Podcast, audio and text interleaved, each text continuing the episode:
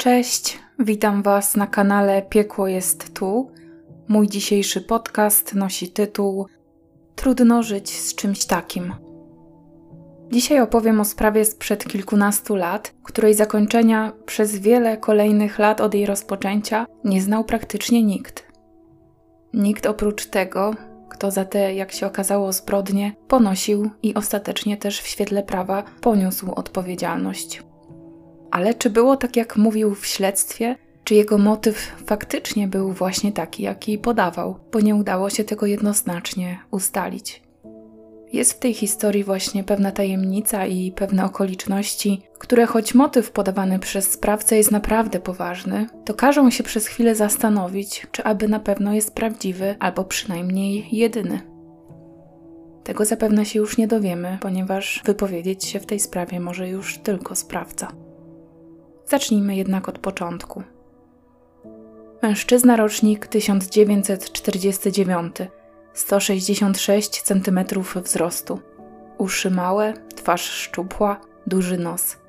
Charakterystyczna wymowa poszczególnych zgłosek. W dniu zaginięcia ubrany w spodnie dżinsy w kolorze jasno-niebieskim, kurtkę dresową w kolorze jasno-niebieskim, podkoszulkę w kolorze białym, na głowie miał czapkę typu jokejka w kolorze białym, a na nogach buty sportowe w kolorze siwym. Taki komunikat wydała do mediów policja w Rybniku po 2010 roku, nie wiadomo dokładnie kiedy, po tym jak na komendę wpłynęło zawiadomienie o zaginięciu 61-letniego mężczyzny, mieszkańca rybnickiej dzielnicy Kamień. Opis mężczyzny był dosyć szczegółowy ze względu na to, że nikt nie był w posiadaniu jego fotografii a więc to właśnie ten opis musiał wystarczyć osobom, do których ten komunikat był skierowany, czyli do tych, które ewentualnie zaginionego mogły gdzieś widzieć, albo po tym opisie mogły skojarzyć fakty, które pomogłyby w rozwiązaniu tej sprawy. Co dosyć osobliwe, zaginięcie zgłosiła nie rodzina, nawet nie znajomi, a pracownicy socjalni miejscowego MOPS-u. Jak odkryto, że mężczyzna o imieniu Andrzej zaginął? Przede wszystkim stwierdzono to po tym, jak przestał pobierać należne mu zasiłki z opieki społecznej. Do tej pory były one jego jedynym źródłem utrzymania. Andrzej bowiem nie zarabiał żadnych pieniędzy od momentu, kiedy został zwolniony ze swojej ostatniej pracy. Dziwnym więc było to, że przestał odbierać te jedyne pieniądze, które zapewniały mu jakiekolwiek utrzymanie. Wiadomo bowiem, że nie był to zamożny mężczyzna posiadający jakiekolwiek oszczędności, za które byłby w stanie spokojnie się utrzymać. Kiedy nie pojawił się w Mopsie po raz pierwszy, wtedy jeszcze nikt nie uznał tego za niepokojące. Ale Andrzej nie pojawił się kolejny i kolejny raz. I tak przez kolejne lata. Nie bardzo było kogo pytać o tę nieobecność. Andrzej był człowiekiem samotnym, pozbawionym najbliższej rodziny, albo może właściwie opuszczony przez nią, abstrahując już od tego, czy słusznie. Jak wygląda historia tego mężczyzny? Andrzej wraz ze swoim rodzonym bratem odziedziczyli po swoich rodzicach dwupiętrowy dom w Rybniku. Miał on wówczas żonę i dwie córki, z którymi zajmował swoją część domu. Bracia podzielili się domem tak, że każdy z nich zajął osobne piętro. Życie rodziny jednak nie płynęło tak spokojnie, jakby się tego oczekiwało. Co prawda Andrzej z bratem Krzysztofem utrzymywali względnie dobre stosunki, ale za to w małżeństwie zaginionego mężczyzny pojawiało się coraz więcej problemów. Jakich i czym one były spowodowane, tego możemy się już tylko domyślać. Wiadomo bowiem, że Andrzej nie stronił od alkoholu. Prawdopodobnie też, może nawet z tej przyczyny, zaniedbywał swoją rodzinę. W 2009 roku, w styczniu, niespodziewanie zmarł brat mężczyzny. Niedługo później żona wystąpiła o rozwód i wraz z córkami opuściła dom w Rybniku, całkowicie zrywając kontakty z byłym już mężem. Co ważne, kontakt z Andrzejem zerwały albo ograniczyły i to mocno również jego córki. Biorąc pod uwagę fakt, że mężczyzna niedawno pochował brata, to wtedy został już całkowicie sam. A samotność nie była jego sprzymierzeńcem. Bardziej niż na towarzystwie, Andrzejowi jednak zależało na tym, aby mieć za co żyć. Zaraz po tym, jak odeszła od niego żona, on popadł w jeszcze większy nauk alkoholowy. Całkowicie zaniedbał dotychczasowe sprawy i obowiązki, a oczywistą konsekwencją tego była utrata pracy. Nie był w stanie, jako że przez minione lata coraz bardziej pogarszało się jego zdrowie i nie do końca też był do pracy fizycznie zdolny, znaleźć sobie jakiegokolwiek zarobkowego zajęcia na dłużej. Od tamtej więc pory jedynym jego źródłem utrzymania, a może właściwie głównym źródłem utrzymania, stał się zasiłek przyznany mu z opieki społecznej. Były to jednak tak małe pieniądze, że mężczyzna nie był w stanie utrzymać z nich i siebie, i całego tak dużego domu. Wprawdzie jedna część, niegdyś należąca do jego brata Krzysztofa, potem po śmierci mężczyzny przeszła w ręce dzieci Krzysztofa, ale te dzieci nie zamierzały tam mieszkać, a więc i nie było z kim dzielić się opłatami. Mężczyzna stanął więc przed trudnym wyborem: albo sprzedać swoją część domu i wyprowadzić się w miejsce, w którym spokojnie dożyje starości, albo znaleźć jeszcze inne rozwiązanie. I znalazł to rozwiązanie. Od roku znał pewnego dużo młodszego od siebie mężczyznę, bo w tamtym momencie trzydziestokilkuletniego o imieniu Sebastian. Był on pracownikiem budowlanym, mężem kobiety o imieniu Iwona, starszej od siebie o 5 lat, oraz ojcem nieletnich dzieci, w tym jednego syna, który poważnie chorował. Sytuacja materialna rodziny była stabilna, ale mieszkanie, które posiadała, było już za małe Sebastian pracował jako budowlaniec głównie za granicą. Wyjeżdżał cyklicznie do Austrii albo Czech, a jego żona wówczas zajmowała się dziećmi, zatem nie pracowała zarobkowo. Dochody mężczyzny jednak całkowicie wystarczały rodzinie, aby żyć na normalnym poziomie. Rodzina nie miała problemów finansowych czy długów. Andrzej, jako że Sebastian w ciągu roku znajomości zdobył jego pełne zaufanie, jak i sympatię, Zaproponował więc znajomemu pewien układ, znając też poniekąd jego sytuację rodzinną. Ustalili między sobą, że Sebastian wraz z rodziną zamieszkają w domu Andrzeja i będzie on od tamtej pory należał do Sebastiana i jego żony. Prawnie część, która należała do dzieci Krzysztofa, będzie musiała zostać przez Sebastiana i Iwonę spłacona, zaś Andrzej darował rodzinie zapłatę za swoją część. Warunek tego był jeden i następujący. Mężczyzna zostanie tam do końca swojego życia, a w zamian za to zrzeknie się swojej części nieruchomości na rzecz Sebastiana i jego żony, co finalnie miało sprawić, że po śmierci Andrzeja cały dom, o ile dzieci Krzysztofa otrzymają za swoją część zapłatę w kwocie ustalonej 100 tysięcy złotych, będzie należał do Sebastiana.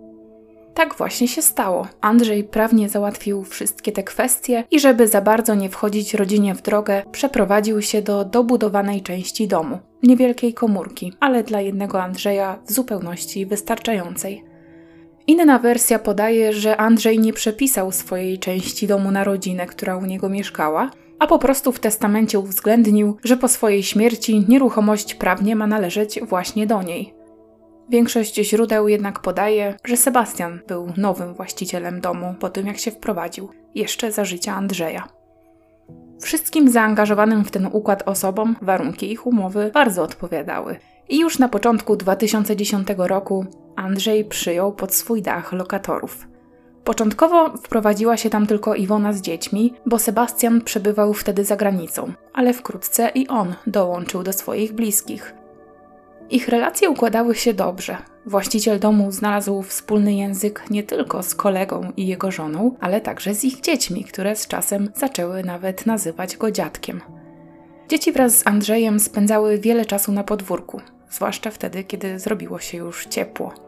Wydawało się, że wszyscy są zadowoleni z takiego stanu rzeczy. Iwona i Sebastian regularnie też płacili ratę za część domu dzieciom zmarłego Krzysztofa. Wszystko więc układało się pomyślnie. Co prawda Andrzej nie pracował i cały dzień gdzieś tam kręcił się w pobliżu rodziny, co mogło trochę wpływać na jej poczucie prywatności, ale na tym tle nie dochodziło do żadnych większych zgrzytów. Głównym zajęciem Andrzeja było dbanie o podwórko, jakieś codzienne prace, które trzeba wykonywać mając dom oraz niestety spożywanie alkoholu, a w tym przypadku głównie piwa. Mimo to mężczyzna nie wydawał się być problemowy. Nadszedł czerwiec 2010 roku, minęło już pół roku odkąd do domu przy ulicy Poręby prowadziła się rodzina Sebastiana. Tylko, że sąsiedzi przestali już wówczas widywać Andrzeja na swoim podwórku, co przecież dawniej było codziennością. Głównie kręciły się tam dzieci, które miały tam rozstawione jakieś atrakcje typu trampolina czy latem basen. Czy kogokolwiek zaniepokoiło to nagłe zniknięcie Andrzeja? Znając jego styl życia, sąsiedzi po prostu założyli, że mężczyzna zaszył się gdzieś i pije, ponieważ mógł być na przykład zmęczony towarzystwem, być może też gwarem, jaki powodują dzieci. I dlatego znalazł sobie jakieś inne lokum, żeby pobyć trochę w spokoju. Dopiero po kilku miesiącach zniknięciem właściciela domu zainteresowali się pracownicy socjalni, którzy, tak jak już powiedziałam, zauważyli, że przestał on odbierać pieniądze z opieki społecznej.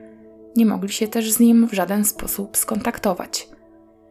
Zanim jednak doszło do powiadomienia o tym policji w Rybniku, do opieki społecznej zadzwoniła Iwona.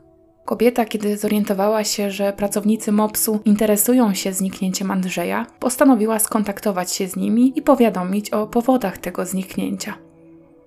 Powiedziała wówczas przez telefon, że Andrzej jakiś czas wcześniej poznał kobietę o imieniu Barbara i któregoś dnia po prostu z nią odjechał i więcej do rybnika nie zajrzał. Minęły już trzy miesiące od jego nieobecności, ale kobieta uspokajała, że Andrzej po prostu zamieszkał na Mazurach i że jest bezpieczny. Mimo wszystko pracownicy socjalni postanowili powiadomić policję, a policjanci potraktowali sprawę dosyć poważnie, bo jednak podjęli jakieś czynności, żeby ustalić miejsce pobytu zaginionego.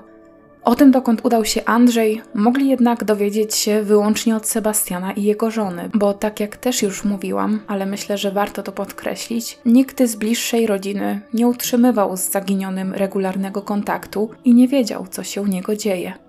Owszem, miał on jakieś kuzynostwo mieszkające nieopodal, które właściwie też zostało zawiadomione o podejrzanej nieobecności mężczyzny właśnie przez opiekę społeczną, ale dopóki nie zostało to jakkolwiek nagłośnione, tak nikt z bliskich losem Andrzeja się nie niepokoił.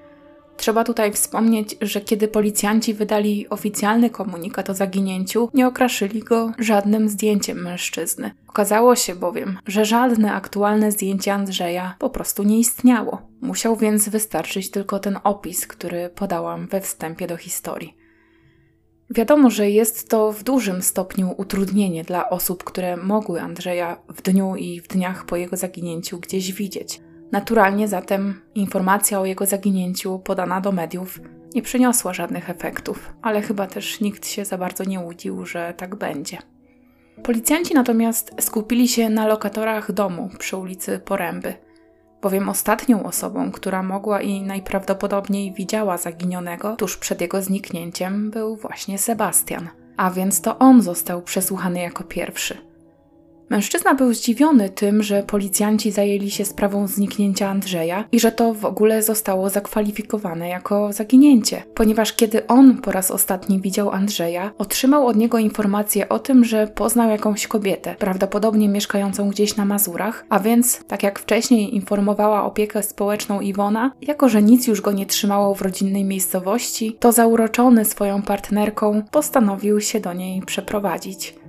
Kobieta ta wprawdzie nie była Sebastianowi bliżej znana, ale podawał on policjantom z pełnym przekonaniem, i to też potwierdziła później jego żona, że widział jak parę razy Andrzej wsiadał do czyjegoś samochodu i wtedy założył, że to właśnie ukochana Andrzeja podjechała wtedy pod dom. Ostatnim razem, gdy go widział, też wsiadał do auta. Nie wiadomo jaki to był konkretnie dzień, ale na pewno końcówka czerwca 2010 roku. Wówczas Andrzej po raz ostatni wsiadł do jakiegoś samochodu i odjechał, nikomu nie tłumacząc się ze swoich życiowych planów. Pewne było natomiast według Sebastiana to, że Andrzej nie chciał być poszukiwany. Mężczyzna utrzymywał też, że zaginiony kilka razy się z nim skontaktował i prosił, aby nikt go nie szukał. Mówił też, że pieniądze z mopsu nie są mu już potrzebne i że nie będzie ich więcej pobierał. Prosił, aby dano mu po prostu spokój. Istniała jednak jeszcze jedna wersja, którą podawał Sebastian, ale już nie policji, a rodzinie Andrzeja, tej, która mieszkała blisko niego i z którą jakiś nieregularny, ale jednak wciąż kontakt zaginiony utrzymywał. Rodzina bowiem, po tym jak dowiedziała się od pracowników socjalnych o zniknięciu Andrzeja, postanowiła nie czekać z założonymi rękami i osobiście pofatygowała się do domu w Rybniku Kamieniu. Konkretnie była to kuzynka Andrzeja oraz jej mąż. Para dowiedziała się od Sebastiana, że Andrzej prawdopodobnie wyjechał do Niemiec. Miał tam mieć jakichś bliskich znajomych albo rodzinę, bo w tej kwestii też źródła nie są zgodne. Z kolei żona Sebastiana, która też została przez małżeństwo zaczepiona, utrzymywała wersję, którą jej mąż podawał policji. Czyli powiedziała kuzynce Andrzeja, że ten przeprowadził się na Mazury do jakiejś kobiety. I te rozbieżności wzbudziły bardzo wiele wątpliwości w rodzinie zaginionego. Sebastian podawał jedną wersję, a jego żona drugą. Przecież para prowadziła wspólne gospodarstwo domowe, miała ze sobą codzienny kontakt. Skąd więc dwie różne wersje podawane przez każdego z osobna? W momencie, gdy rodzina Andrzeja rozmawiała z Sebastianem, jego żony w pobliżu nie było. Kobieta zatem nie wiedziała, jaką wersję jej mąż podawał zaniepokojonym bliskim zaginionego. Rodzina Andrzeja zatem skontaktowała się z policjantami z Wydziału do Spraw Poszukiwań i Identyfikacji Osób z Rybnika, którzy zajmowali się tą sprawą i opowiedziała o swoich podejrzeniach. Ich zdaniem bowiem Andrzej nigdy nie opuścił terenu swojej posesji, a podejrzanymi w tej sprawie byli właśnie Sebastian z żoną, z naciskiem na samego Sebastiana. Jako ostatni widzieli przecież Andrzeja żywego i to oni podawali dwie różne wersje tego, co się z mężczyzną stało, a właściwie dokąd się udał. Dlaczego rodzina od razu podejrzewała najgorsze? Wszyscy w okolicy wiedzieli, kim był Sebastian, a właściwie znali jego przeszłość. Wprawdzie pochodził on z dość dobrej rodziny, a przynajmniej na pozór normalnej rodziny. Jego matka była nauczycielką, a ojciec policjantem – ale sam Sebastian, jako dorosły już mężczyzna, nie mógł się pochwalić nieskazitelną przeszłością i jakąś spektakularną karierą zawodową. Ukończył zawodówkę i zdobył fach mechanika maszyn i urządzeń górniczych, ale w zawodzie rzadko pracował albo w ogóle nie pracował. Raczej trudnił się budowlanką i to przeważnie sezonowo, wówczas wyjeżdżał za granicę. Nie to jednak jest najważniejsze i kluczowe w tej sprawie. Na swoim koncie miał już wyrok w wysokości 7 lat pozbawienia wolności. Jakiś czas wcześniej napadł na instytucję finansową zlokalizowaną w Czerwionce Leszczynach. Otrzymał za to zarzut napadu z bronią w rękach i później został skazany i osadzony w więzieniu. Nie był to więc ktoś, kto działał uczciwie. Nie był to też ktoś, kto miał czyste sumienie. Ale oczywiście napad z bronią w ręku, w wyniku którego na całe szczęście nikt nie ucierpiał, to jeszcze nie tak poważne zarzuty jak na przykład zabójstwo, któremu wówczas sugerowano. Motyw, jaki mógł mieć Sebastian, wydawał się być według rodziny, jak i bliskich sąsiadów i jednocześnie znajomych Andrzeja dosyć oczywisty. Oczywiście musiało chodzić o sprawy majątkowe. Andrzej, po tym jak sporządził testament, albo jak głosi inna wersja, po tym jak przepisał swoją część domu na Sebastiana i Iwonę, nie był już małżeństwu potrzebny, a więc się go pozbyli. Oczywiście podkreślam, że to są na ten moment tylko domysły i plotki, które wówczas powtarzano między sobą w bliskim otoczeniu. Wtedy jeszcze nic nie było wiadome, a tym bardziej nic nie było pewne. Policjanci, do których dochodziły takie głosy, nie bagatelizowali tych podejrzeń. Jako, że z Andrzejem nikt nie miał kontaktu, poza Sebastianem, który jednak utrzymywał, że wie, co się z kolegą dzieje, to można było zakładać różne scenariusze. Nawet taki, że zaginiony tak naprawdę nie żyje, a w jego śmierci udział miały osoby trzecie, a nawet sam Sebastian. Postanowiono zatem szukać w miejscach wskazanych przez mężczyznę. Za granicą jednak urodziny, jaką Andrzej tam miał, zaginionego nie znaleziono – na Mazurach, u kobiety, z którą od jakiegoś czasu się miał spotykać, też nie było po nim śladu. Wówczas zdecydowano się przeszukać dom, jak i teren, na którym dom się znajdował, bo przypuszczano, że to właśnie tam znajduje się ciało nieżyjącego już zapewne mężczyzny. I zrobiono to przy użyciu georadarów.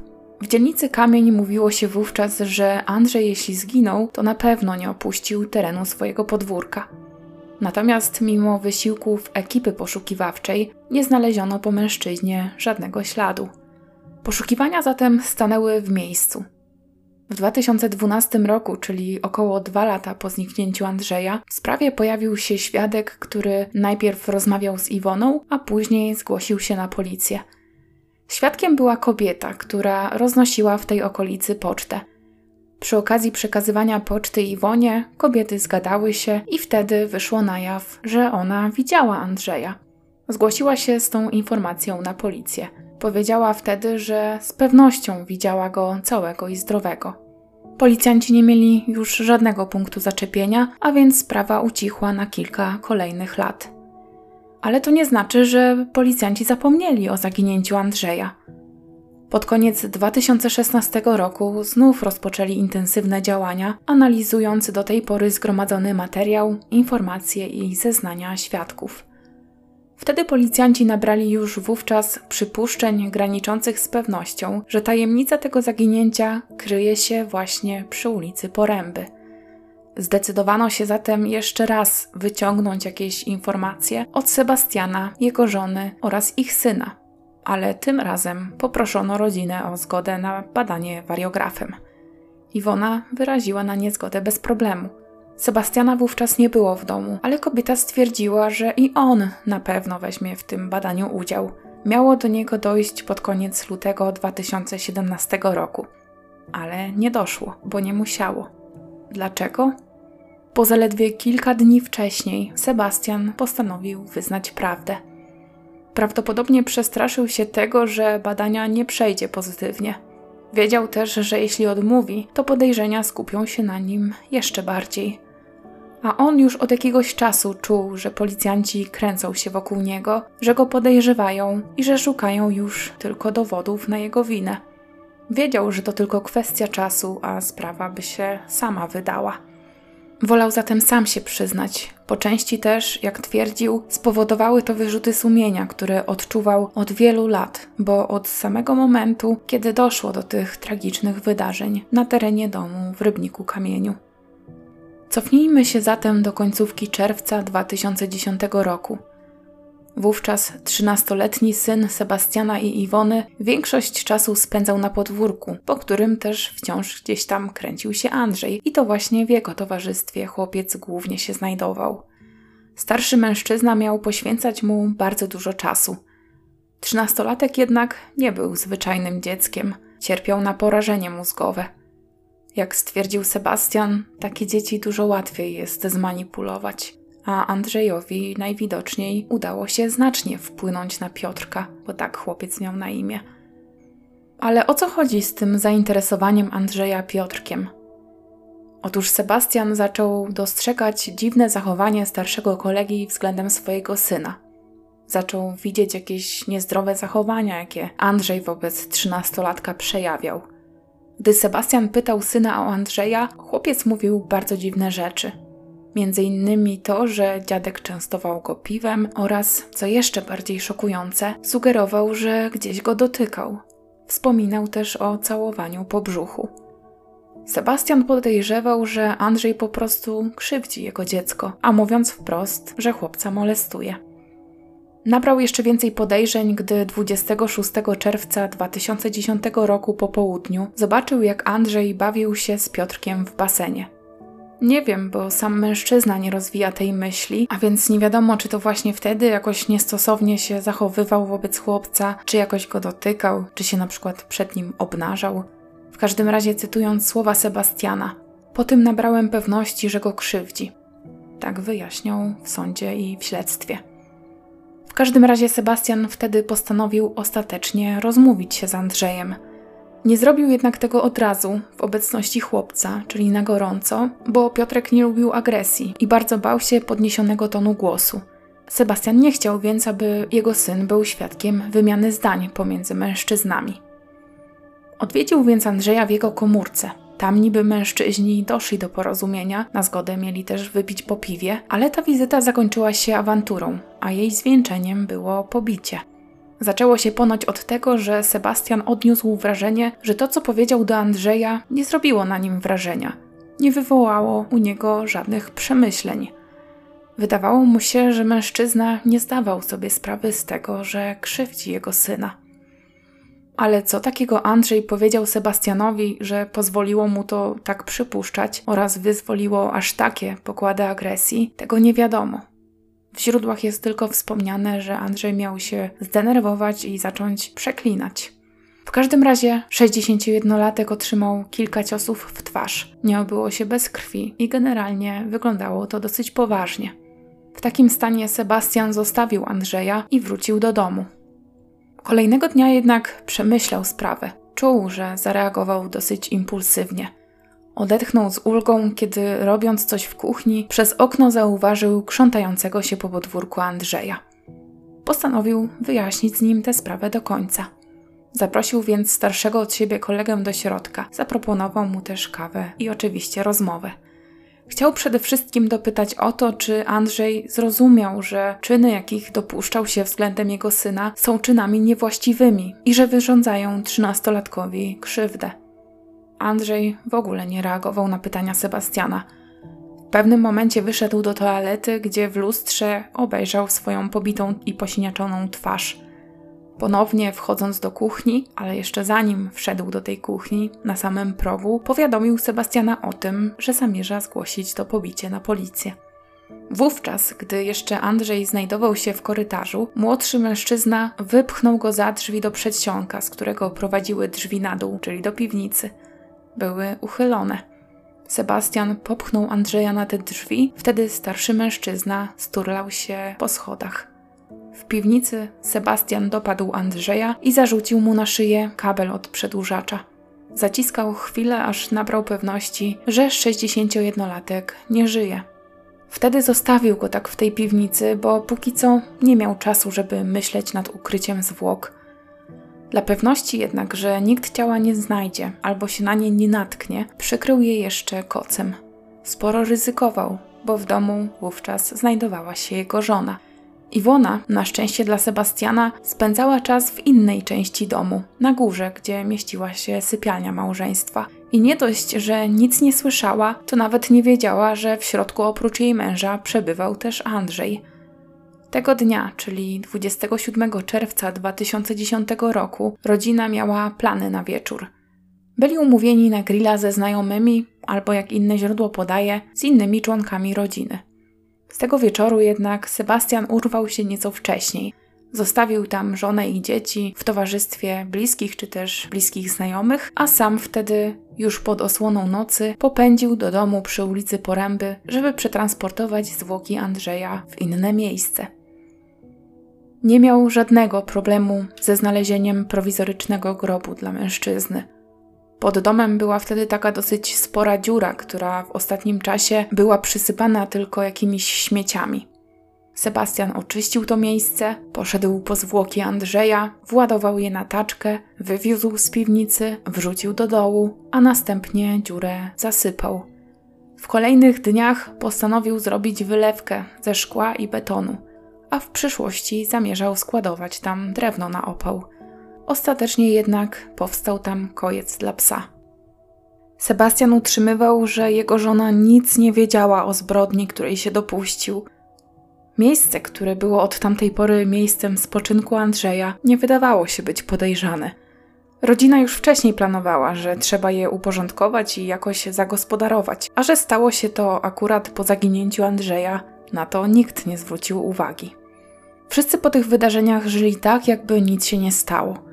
Oczywiście, w mniemaniu rodziny Sebastiana faktycznie nic się nie stało. Sam mężczyzna jednak borykał się z ogromnymi wyrzutami sumienia. Przez długi czas miewał problemy ze snem. Nie był w stanie zbyt długo przebywać na podwórku, bo wciąż miał świadomość, że tuż obok znajduje się grób Andrzeja. Przez to zaczął coraz częściej wyjeżdżać za granicę i zostawał tam coraz dłużej, aby jak najmniej czasu spędzać w tym domu. Iwona niczego nie podejrzewała i wierzyła w to, co mówił jej mąż na temat losu Andrzeja. Sama zresztą z mężczyzną rozmawiała tuż przed jego zaginięciem i faktycznie informował ją wtedy o tym, że miał w najbliższej przyszłości plan, aby wyjechać z Rybnika. Dlatego ta wersja, że mężczyzna faktycznie wyjechał, nie wydawała jej się być w żaden sposób niemożliwa. Iwona co jakiś czas rozmawiała z Sebastianem na temat tego nagłego zniknięcia i głośno zastanawiała się nad tym, co Andrzej robi, gdzie jest, jak się czuje. Nigdy jednak nie przeszło jej przez myśl, że za zniknięciem Andrzeja stoi właśnie jej mąż oraz wierzyła w wersję o tym, że właściciel domu żyje. Sam Sebastian przyznał, że bał się momentu, gdy jego żona zapyta go wprost o to, czy to on zabił mężczyznę. Takie wówczas krążyły po mieście plotki, ale Iwona takiego pytania nigdy nie zadała. Dlaczego policjanci, którzy przeszukiwali dom i teren tego domu, nie natknęli się na ciało, pomimo że przecież od początku właśnie tam się znajdowało? Otóż faktycznie było tak, że szukano no prawie na całym podwórku, bo jednak ominięto miejsce, w którym znajdował się kojec dla psa, a to właśnie przecież tam ukryte były zwłoki Andrzeja. Pod koniec lutego 2017 roku, po ujawnieniu przez Sebastiana prawdy, rozpoczęto pracę na podwórku, aby ciało Andrzeja wydobyć z miejsca tego prowizorycznego grobu.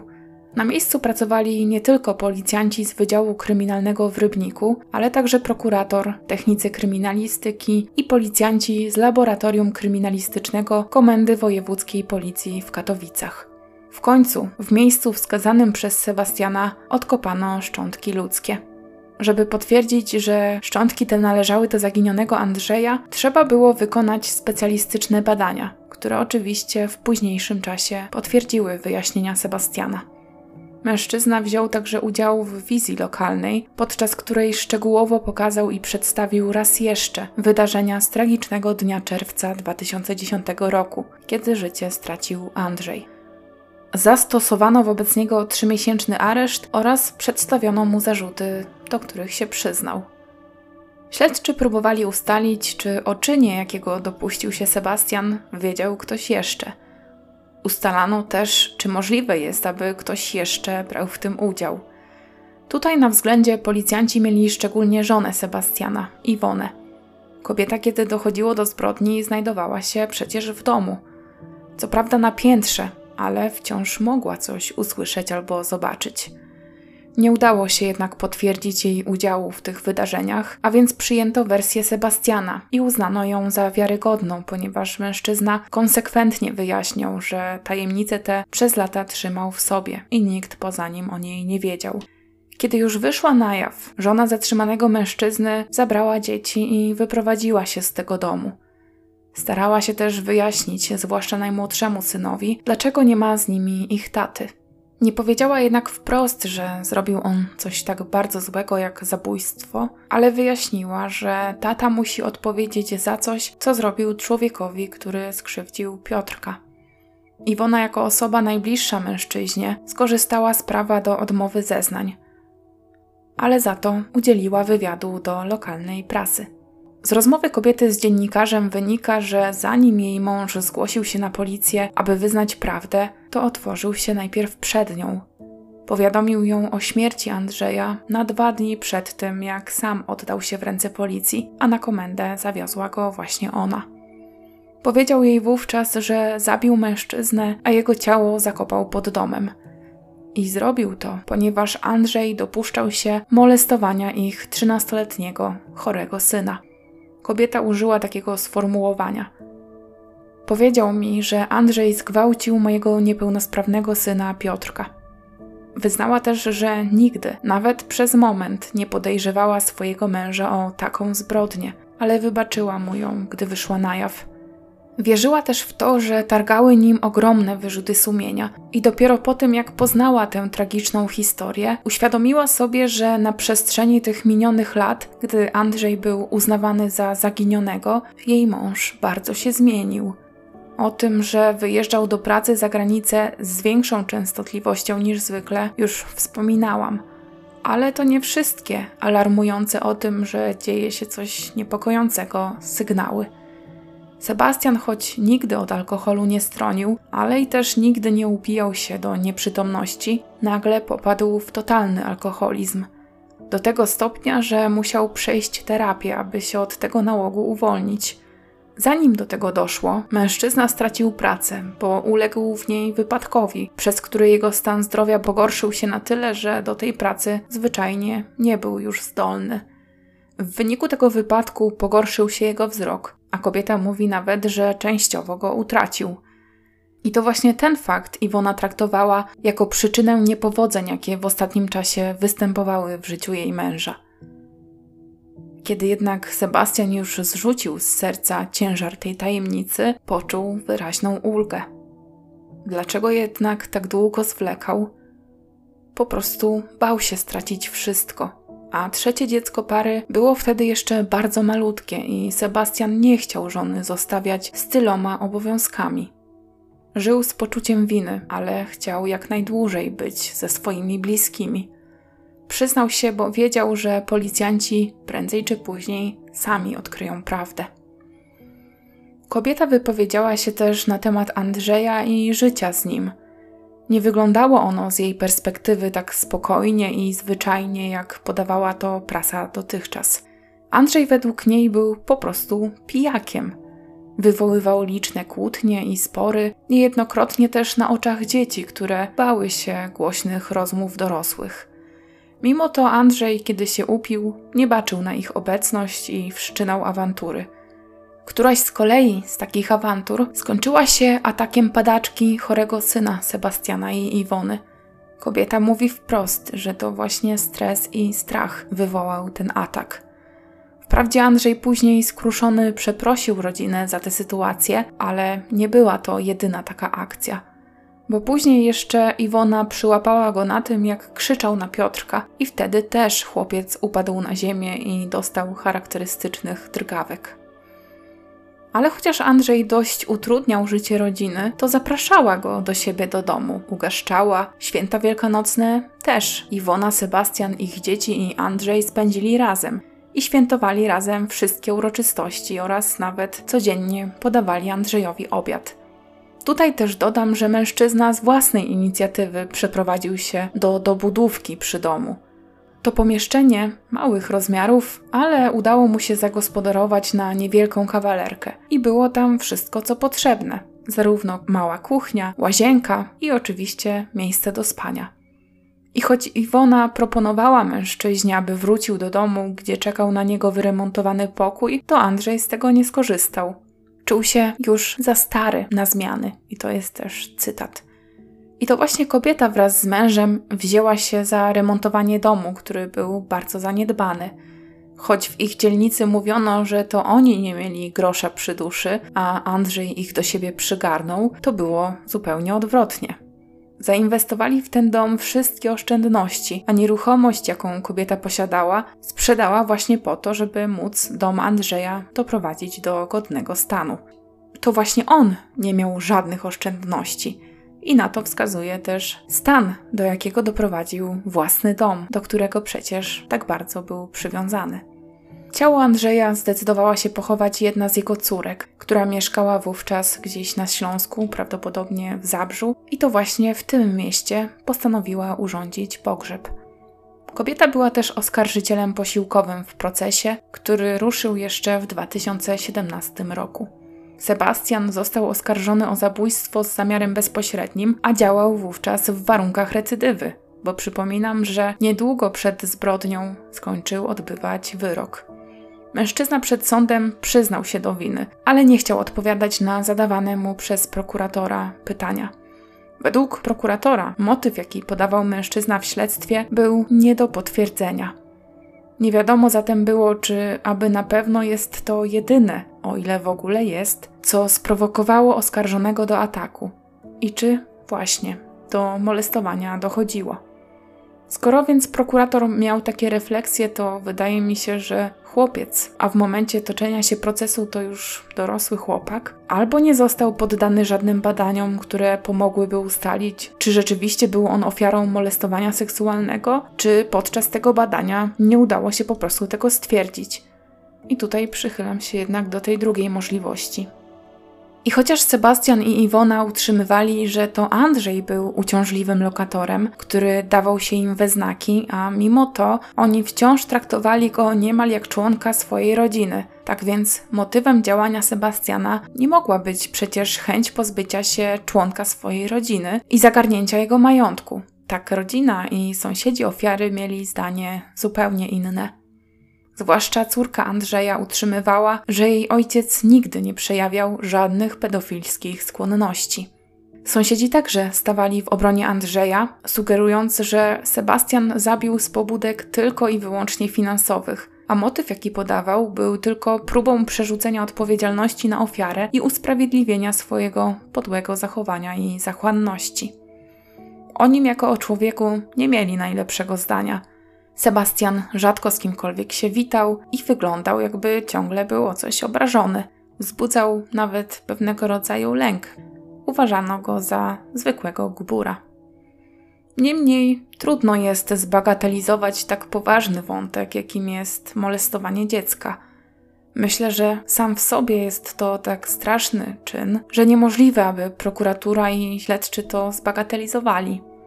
Wierzę, że dołożono wszelkich starań, aby na 100% potwierdzić albo wykluczyć, że mogło do takich zachowań ze strony Andrzeja dochodzić. Natomiast co do wyników działań w tym kierunku, nie ma niestety żadnych informacji, które jednoznacznie wskazałyby jakiekolwiek ustalenia. Wyrok zapadł w Rybnickim Wydziale Zamiejscowym Sądu Okręgowego w Gliwicach 20 listopada 2018 roku. Wówczas sąd uznał winę Sebastiana i wymierzył mu karę 15 lat pozbawienia wolności, a na poczet tej kary zaliczył mu czas, który spędził dotychczas w areszcie. W chwili, gdy zapadł wyrok, mężczyzna miał 42 lata. Iwona zdecydowała się czekać na swojego męża. Wybaczyła mu czyn, który popełnił. W chwili, gdy para rozstawała się na długie lata, deklarowała sobie miłość. Do apelacji nie doszło, bowiem prokurator, słuchając uzasadnienia wyroku sądu, uznał, że choć wnosił o 25 lat pozbawienia wolności, to wyrok 15 lat pozbawienia wolności też jest słuszny. Okolicznościami, które wpływały na przychylniejsze traktowanie tego przypadku, było przede wszystkim przyznanie się do winy i dobrowolne zgłoszenie się na policję.